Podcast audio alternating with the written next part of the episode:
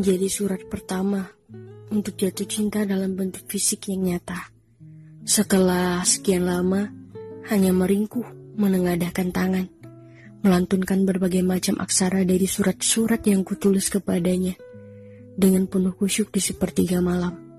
Sembab dan basah kuyup memanjiri di pelupuk mata. Berharap kau segera hadir. Harapanku, hendaklah dunia tahu getirnya menggunakan perasaan sendiri. Sampai atau tidaknya surat ini, Arasnya lebih dulu tahu tentang isi surat ini.